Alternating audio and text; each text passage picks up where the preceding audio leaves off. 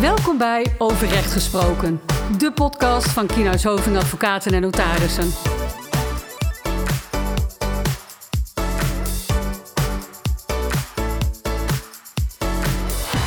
Welkom bij deze nieuwe aflevering eh, van de podcast Over Recht Gesproken. Mijn naam is Imke Linsen en tegenover mij zit... Erik Averdijk. En ik ben advocaat bestuursrecht eh, bij Kienhuis Hoving. Ik ben advocaat arbeidsrecht. Daar gaan we het vandaag niet over hebben, ehm, want we gaan het opnieuw hebben over de rechtsgeldigheid van de regelgeving. Erik, jij sprak afgelopen dinsdag al met Tom over de rechtmatigheid van de avondklok. Uh, nu gaan we het opnieuw hebben over, een, uh, ja, over de rechtsgeldigheid van een Nederlandse uh, nou ja, wet, wettelijke bepaling. om welke bepaling gaat het? Ja, het gaat, uh, Imke, in dit geval om artikel 613 van de Algemene Wet Bestuursrecht. Uh, dat is uh, onze algemene bestuursrechtelijke wet die in dit geval in dit artikel zegt dat wanneer er besluitvorming plaatsvindt waarbij de uitgebreide voorbereidingsprocedure van toepassing is, dat betekent dat je van tevoren eerst zienswijzen naar voren moet brengen voordat een bestuursorgaan op een besluit kan beslissen. En om het even heel simpel te maken, bijvoorbeeld een omvangrijke milieuvergunning. Dat dan uh, eerst uh, een, een, partij zienswijze naar voren moet brengen. En als hij dat niet doet, dan kan die partij niet uh, in beroep bij de rechter. geen zienswijze naar voren gebracht is dikke pech, kan je ook niet in beroep bij de rechter. Ja, nou, de, dus als ik het goed begrijp, het idee is dat ehm, nou ja, iemand die iets vindt van een bepaald besluit, dat al in de voorbereidende fase naar voren moet brengen. Um, en dat niet pas bij de rechter kan doen. Dat klopt. En uh, slaat hij die fase over, dan komt hij bij de rechter niet binnen. Dan zal de rechter hem niet ontvankelijk verklaren. Ja, op zich heel logisch, denk ik. Dan tijdens, tijdens voorbereiding van zo'n besluit kan een bestuursorgaan daar nog rekening mee houden. Kan die eventueel getroffen belangen in zijn besluit betrekken en daarin een afweging maken. Toch? Dat klopt. En uh, met, met, met deze fuik, zoals hij uh, ook wel eens wordt genoemd, uh, wordt voorkomen dat er te laat wordt, beroep wordt ingesteld. Ja, maar goed, deze uh, bepaling, uh, nou ja, het Hof van Justitie uh, van Europa heeft zich hierover uitgelaten, begrijp ik. En die heeft gezegd, deze bepaling is in strijd met een verdrag. Ja, dat klopt. het verdrag in dit geval is het verdrag van Aarhus. Een, een, verdrag dat al in 2004 is ondertekend door Nederland en in maart 2005 ook in Nederland van, van kracht werd. Uh, dat arrest dat regelt de uh, informatievoorziening ten aanzien van milieubesluiten. En, uh, het verdrag bedoel je, denk ik? Of, sorry, ja. ja. het verdrag regelt informatievoorziening ten aanzien van milieubesluiten. En de toegang tot de rechter. En om het even heel makkelijk te zeggen, regelt het verdrag dat zo breed mogelijk toegang tot de rechter moet zijn. En dat de overheid ook eigenlijk zoveel mogelijk informatie over milieubesluiten naar voren moet brengen. Nou, wat er in deze zaak is gebeurd, is dat een oplettende uh, milieuactivist uh, heeft gevonden dat een besluit, en in dit geval in de gemeente uh, Sust-Echteren in Limburg, een besluit in strijd met deze, de, dit verdrag was. Het ging om een varkenshouderij met meer dan 750 zeugen. En het verdrag zegt in dat geval dat uh, je dan ervoor moet zorgen dat uh, ook milieuinstanties als, uh, ja, hoe ik het zeggen, milieuverenigingen die tegen dit soort besluiten opkomen, dat die ten alle tijde toegang tot de rechter moeten kunnen hebben. En dat die fuik, die, die artikel 613 eigenlijk beoogt, dat die dan niet mag worden toegepast. Ja, dus even voor mijn begrip, in deze situatie was volgens mij een uh, vergunning afgegeven voor die, uh, die varkenstal. Hè? Dat klopt. Um, en er was Stichting Varkens in Nood, die was het daar niet helemaal mee eens. Maar die had dus nagelaten zo'n zienswijze in de voorbereidende fase in te dienen. En die ging vervolgens rechtstreeks naar de rechter. Op het moment dat het besluit al was genomen. Op het moment dat het besluit al was genomen, ging die rechtstreeks naar de rechter. samen met een omwonende, overigens. Iemand, ja, wat, wat is een omwonende? In dit geval iemand die op 20 kilometer afstand van die varkenshouderij woonde. Uh, samen gingen ze met nog een paar partijen uh, naar de rechter. Uh, maar van, van, van deze, die Stichting Varkens in Nood, was bekend dat die dus niet die zienswijze eerst naar voren had gebracht. Waardoor eigenlijk de Nederlandse wetgever, wetgeving zegt: dan ben je niet ontvankelijk. Ja. En moet de rechter deze partij toegang tot, tot, tot de zitting eigenlijk ontzeggen. Ja, Maar die stichting Varkens en Nood die zegt vervolgens... Hey, dat kan wel zo zijn, de Nederlandse wet bepaalt dat weliswaar... maar die Nederlandse bepaling is in strijd met dat verdrag. En daarom, rechten, moet je mij toch ontvankelijk verklaren... en moet je mijn, uh, ja, mijn zienswijze alsnog meenemen. Precies. Ja. Uh, je, moet, je moet eigenlijk mijn uh, beroep inhoudelijk uh, gaan behandelen. Ja. Ja. Met, de, met als doel natuurlijk dat die vergunning wordt ingetrokken. Of, ja, uiteraard. Uit, uiteraard probeert uh, die Stichting Varkens in Nood te bereiken dat de vergunning voor deze, voor deze varkenshouderij uh, door de rechter wordt vernietigd. En wat er gebeurd is, is dat uh, de rechter in Limburg, waar deze zaak speelde, de rechtbank Limburg, toch wel iets heeft gevonden van het betoog van de Stichting Varkens in Nood. En zoals wij dat dan met een mooi, mooi woord noemt, noemen, prejudiciële vragen heeft gesteld aan uh, het Hof uh, van Justitie ja. in Europa. Eigenlijk en, uitleg heeft gevraagd van ja, het verdrag, hè? Ja, exact. Gewoon het Hof heeft gevraagd van hoe moeten we dit verdrag nu eigenlijk toepassen. Ja. met, met in het arrest van 14 januari van dit jaar als gevolg dat Nederland het met artikel 613 eigenlijk niet goed doet. Nee. Nog even voordat we ingaan op dat verdrag. Is het normaal dat van die vragen worden gesteld aan het Europese Hof? Ja, dat is normaal. Um, natuurlijk gebeurt het niet bij elke, elke rechtszitting. Uh, het gebeurt ook uh, zelden door een lagere rechter. Meestal worden die vragen gesteld door de hoogste rechter, door de afdeling bestuursrechtspraak of door de Hoge Raad. Uh, maar ja, het, het, een lagere ja. rechter mag het ook doen. En dat is in dit geval gebeurd. Ja, want heeft de hoogste Nederlandse rechter zich wel eens over, dit, over de uitleg van dit verdrag uitgelaten? Ja, en die heeft tot nu toe altijd gezegd dat uh, artikel 613 niet in strijd is met het uh, uh, verdrag van Aarhus. Ja, en, en nu zegt de hoogste Europese rechter dat het wel het geval is. Ja, en dus wel opvallend dat die rechtbank Limburg toch dacht op eigen houtje... nou, ik weet niet of die hoogste Nederlandse rechter dat wel goed heeft. Dus ik ga toch naar dat Europese Hof om een uitleg vragen. Ja, ik denk ook dat het de enige manier was geweest. Want als uh, deze uh, club niet ontvankelijk was verklaard door de rechtbank in uh, Limburg. en in hoger beroep was gegaan naar de afdeling. zou de afdeling waarschijnlijk in de lijn met ja. eerdere uitspraken hebben gezegd: ja, nee, dit is niet in strijd. Nee. Dus ja, het, het, is een, het is wel een bijzondere doorbraak. Wel gedurfd. Zeker gedurfd, ook zeker van die rechter. Ja. En, en, en wat, wat daar ook nog wel weer leuk aan is, is dat het ook niet een, een, een, een rechtbank was die op dat moment werd gevormd door drie rechters, maar een alleenzittende rechter. Okay. Die deze uppie heeft besloten om het toch maar even aan te, aan te durven. Nou, toch mooi. Want nu weten we tenminste dat die bepaling uh, geen stand houdt. Um, ja, wat, uh, wat, was precies het oordeel van het Hof? Waarom uh, is die Nederlandse bepaling daarmee in strijd met het verdrag? Nou, dat heeft er eigenlijk mee te maken dat het verdrag zegt eigenlijk dat niet-gouvernementele organisaties, dat zijn in dit geval milieuorganisaties, ten alle tijde een besluit uh, dat onder het verdrag valt, dat moet ik er wel even uh, nadrukkelijk bij zetten, dat doen niet alle besluiten, uh, dat die ten alle tijde door de rechter moeten kunnen worden getoetst. Ja. En in dit geval val, viel een, een varkenshouderij onder dat verdrag van Aarhus en moest dat dus door de rechter kunnen worden getoetst. En dan mag de barrière van artikel 613 niet worden, worden opgeworpen. Ja.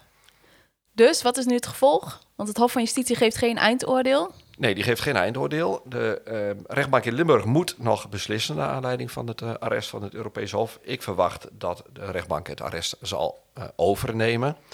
Ja, en dan is de vraag wat er gaat gebeuren of de varkenshouder in hoger beroep gaat naar de afdeling bestuursrechtspraak of niet. Of dat de afdeling zelfstandig gaat, gaat onderzoeken hoe hier op gereageerd moet gaan worden. Ik verwacht dat de afdeling uh, zelfstandig gaat reageren. En dat bij een van de eerstvolgende situaties waarin een, een, een, dergelijk geval bij de afdeling voor ligt, de afdeling ja. of het arrest over gaat nemen, dan wel daar toch wel toepassing aan gaat geven. Wat ik weet uit een interview in het dagblad dat bij ons in de regio verschijnt, en daar woont ook de man die deze zaak aanhangig maakte, weet ik dat de afdeling al heeft gezegd dat ze er kritisch naar zullen gaan kijken. En ja, toch op termijn ja. daar iets mee zullen gaan doen. Maar in die zin is het arrest volgens mij ook best duidelijk. Hè? Dat, ja, eigenlijk kan de hoogste rechter hier in Nederland niet omheen, toch? Nee, dat kan, uh, dat kan niet. Zeker niet in, in situaties waarbij het verdrag van Aarhus nee. van toepassing is. En om dat even wat meer te verduidelijken.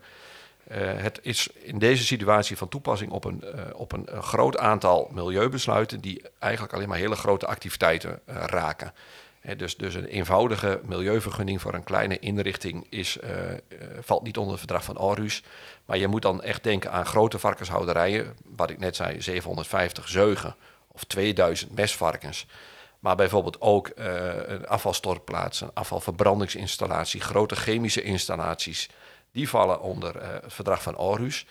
En uh, die kunnen in ieder geval, die komen dan ook, ook, ook, ook um, daarvoor kan in ieder geval een, een, een milieuorganisatie een beroep doen op het verdrag. En artikel 613 kan dan niet meer tegen, tegen die milieuorganisaties worden gebruikt. Uh, bij, in kleinere gevallen zou het wel kunnen. En ook in andere situaties, andere besluiten die worden voorbereid met artikel 613, ja. zou het nog kunnen blijven bestaan. En de, de vraag is nu wat de wetgever gaat doen. Ja, dus de relevantie is eigenlijk uh, ja, nog wel enigszins beperkt. In ieder geval beperkt tot een bepaald type besluiten. Nou, dan gaat het echt om die, uh, nou ja, die grote milieuvergunningen of omgeving.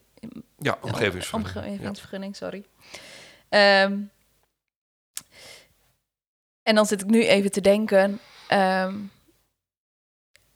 wat voor consequenties kan dit arrest nu hebben voor besluiten die in het verleden, of procedures die in het verleden hebben gelo uh, uh, uh, ja, zich hebben voorgedaan? Nou ja, het artikel 9 lid 2 van het verdrag zegt dat uh, in, in, in situaties als, als nou ja, deze waar grote installaties, grote milieubesluiten uh, uh, betrokken zijn, dat milieuorganisaties ten alle tijden, nou ja, ik zeg milieuorganisaties, maar belanghebbenden, hè, mensen die belang hebben bij, bij zo'n uh, vergunning, ten alle tijden toegang tot de, de, rechten moeten kunnen hebben, ook in het geval sprake is van herziening.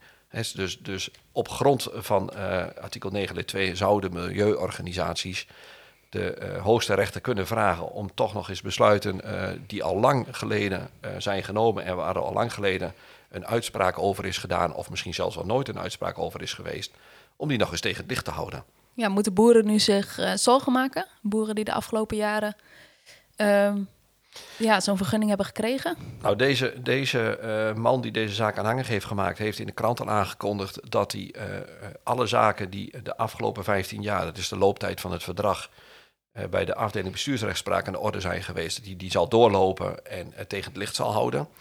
Uh, mochten daar nou zaken bij zijn waar vergeten was zienswijze naar voren te brengen en waarbij die partijen niet ontvankelijk zijn verklaard, ja, daarvan heeft hij gezegd, dan ga ik herzieningsverzoeken indienen. Ja. Ja, of iemand zich dan zorgen moet maken, dat hangt maar heel erg van de omstandigheden van het geval af. Want lang niet altijd is gezegd dat een besluit dan ook over, of onderuit gaat. En als, nee. het, en als het al onderuit gaat, ja, als, als het gaat om een besluit van tien jaar geleden, is dat vaak alweer achterhaald in, ja. in, in, in, latere vergunningen. Ja, want het houdt dus alleen in dat de, uh, ja, de bestuursrechten nogmaals naar zo'n uh, ver, uh, vergunning die al is verleend gaat kijken. En kijken of dat op goede materiële gronden is gebeurd. Ja. En als dat niet zo is, dan zou het eventueel um, nou ja, consequenties kunnen hebben. Maar in de meeste gevallen zou kunnen. Zijn die vergunningen al verlopen? Ja. Nou ja, verlopen of, of, of, of weer uh, gevolgd door een andere vergunning. Ja, oké. Okay, ja. En, en, en, ja, we hebben nog een beginsel van formele rechtskracht. Uh, daar zal ook nog iets, iets van gevonden moeten gaan worden. Dat betekent dat als een procedure eenmaal geëindigd is, staat die vergunning vast. En, ja. kan, je, en kan je er niets meer mee doen. En nou de vraag die daar dan nog een keer opkomt is... of in dit geval dat beginsel dan ook nog kan worden tegengeworpen. Ja, want dat, ja, want dat beginsel staat dan weer haaks op die herzieningsmogelijkheid uh, die het verdrag biedt. Ja, het zou maar zo ja. kunnen dat, uh, dat het verdrag uh, daar een streep, ook, ook, ook, een streep doorheen zet. Oké, okay, ja. Um, en in de toekomst? Want nu staat dus vast dat die milieuorganisaties geen uh, zienswijze van tevoren hoeven in te dienen. Zullen zij dat nog doen? Of zullen ze, zij nu inderdaad wachten tot, totdat uh, een vergunning is verleend en gaan ze dan rechtstreeks naar de rechtbanken? Wat zijn de gevolgen daarvan? Kun je daar iets over zeggen?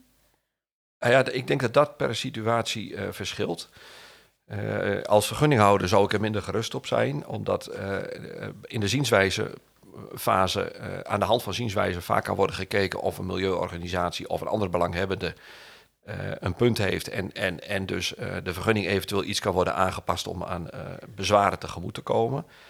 Eh, als een eh, milieuorganisatie of een belanghebbende het proces eh, wil vertragen en goede eh, troeven in handen heeft, dan kan die dus ook wachten totdat hij in beroep gaat en pas in de beroepsprocedure met eh, zijn troef komen. Eh, met als gevolg dat een vergunning onderuit gaat eh, en het hele proces wellicht weer opnieuw moet. En dat kan, dat kan jarenlange vertraging met zich meebrengen. Ja, want wat is dan het voordeel van zo'n argument pas inbrengen in beroep in plaats van dat al van tevoren doen? Want ik zou denken, als je het van tevoren doet, kun je het bestuur zo gaan, nou ja, al meenemen in jouw eh, belangen en voorkom je misschien wel dat eh, die vergunning wordt verleend? Nou ja, of je ermee voorkomt dat je hem verleent, weet ik niet. Maar in ieder geval door al in vroegtijdig met bestuursorgaan mee te denken, wordt de vergunning wellicht aangepast, maar ligt die er uiteindelijk ook en is de activiteit er ook? En als Ja. je die activiteit helemaal niet wil, eh, dan kan ik me voorstellen dat je juist belang bij hebt om eh, zo lang mogelijk te wachten en dan pas eh, in beroepsfase je, je, je argumenten naar voren te brengen. En als de vergunning dan vernietigd wordt, ja, dan, dan, dan, Ja. dan, dan heb je weer een, een, een maanden, zo niet jarenlange vertraging te pakken. Ja, want in beroep is het dan eigenlijk een alles of niets benadering. Of die vergunning blijft in stand of die wordt vernietigd. En dan eh, moeten de activiteiten Ja, zeker. helemaal zeker. worden gestaakt. Ja. Of die zijn nog niet eens begonnen. Ja. Ja, die zijn er vaak nog niet begonnen. Nee. Dus ja, wat dat betreft eh, eh, is dit een, een bijzondere ontwikkeling waarvan we nog moeten gaan, gaan zien hoe de wetgever hierop gaat reageren. Of die dit nu alleen maar van toepassing laat verklaren op ARU-zaken. Dan wel dat de wetgever zegt, ja, artikel 613, het is de langste tijd gehad. Eh, laten we er maar gewoon mee stoppen. Ja. Misschien ook van, vanwege de duidelijkheid, de rechtszekerheid, dat je dan het artikel in alle situaties laat vallen, en dan dat partijen gaan discussiëren over Ja. de situaties waarin de bepaling nog wel geldt. Ja, en, en, en eh, laten we wel wezen, in Nederland wordt best veel besluiten met artikel 613, eh, of met, met de uitgebreide voorbereidingsprocedure voorbereid en waarbij dan artikel 613 van toepassing is. Dat geldt bijvoorbeeld ook bij totstandkoming van een eenvoudig eh, bestemmingsplan. Eh, dat, dat misschien eh, de bouw van enkele woningen mo- eh, mogelijk maakt of een, een, een herziening van een bestemmingsplan voor het buitengebied van een gemeente, waarin geen grote milieuzaken spelen.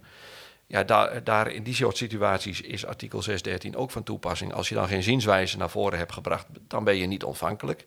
Ja, en de vraag is of de, de, de wetgever dat in stand Ja. laat, dan wel zegt van ja, joh, als het bij ARUS niet mag, eh, dan doen we het gewoon z'n- in, over de volle breedte niet meer. Maar dan is dus wel echt ingrijpen door die Nederlandse wetgever vereist. En tot dusver, eh, op basis van deze rechtspraak, eh, moet de rechter 613 buiten beschouwing laten. eh, in gevallen waarin het die milieukwesties betreft. Ja. Eh, en in andere gevallen eh, niet. En speelt 613 nog steeds, totdat de Nederlandse wetgever daar veranderingen brengt. Dat klopt. Ja. Ja, dat klopt. Mooi. Zijn er nog andere punten eh, uit het arrest die je zou willen belichten? Nou ja, wat ehm, eh, dit arrest alleen eh, zegt is dat het eh, gaat, in deze situ- situatie gaat het alleen over milieuorganisaties. En dat komt omdat alleen de stichting Varkens in Nood dit punt naar voren bracht. In deze zaken werd dus ook nog gesproken over het belang van deze de natuurlijke persoon die op 20 kilometer van die, va- van die inrichting woonde. En doordat hij zo ver van die inrichting woonde, had de rechter al gezegd van ja, jij woont zo ver, jij kunt daar nauwelijks hinder van Ja. ondervinden. Jij bent eh, geen belanghebbende. Nou, daarvan eh, zegt eh, het Europees Hof dat mag. Dat, is, dat is een terechte conclusie. Dus die persoon blijft ook niet ontvankelijk en blijft dus ook eigenlijk buiten de procedure. Maar waar ehm, eh, de zaak geen antwoord op geeft, is voor de, de- ja, de, de, de mensen die wel, natuurlijk personen die wel belanghebbend zijn, of die ook met succes straks nou ja, een, een zienswijze achterwege kunnen laten. Ja. Wat, En wat maakt je belanghebbend of niet? Nou ja, dat is, dat, Ja. daar wilde ik net op ingaan. Dat is een hele goede vraag. Eh, stel, we hebben het hier over eh, die- diezelfde varkenshouderij met 750 zeugen. Maar je woont er niet op 20 kilometer afstand vanaf. Maar je woont er op 300 meter afstand vanaf. Eh, of 400. En je zit dagelijks eh, tegen die inrichting te kijken. Of je onder, ondervindt voor jouw gevoel geurhinder. Eh, dan, dan is die afstand eh, zo, zo klein dat eh, je mogelijk wel belanghebbend bent.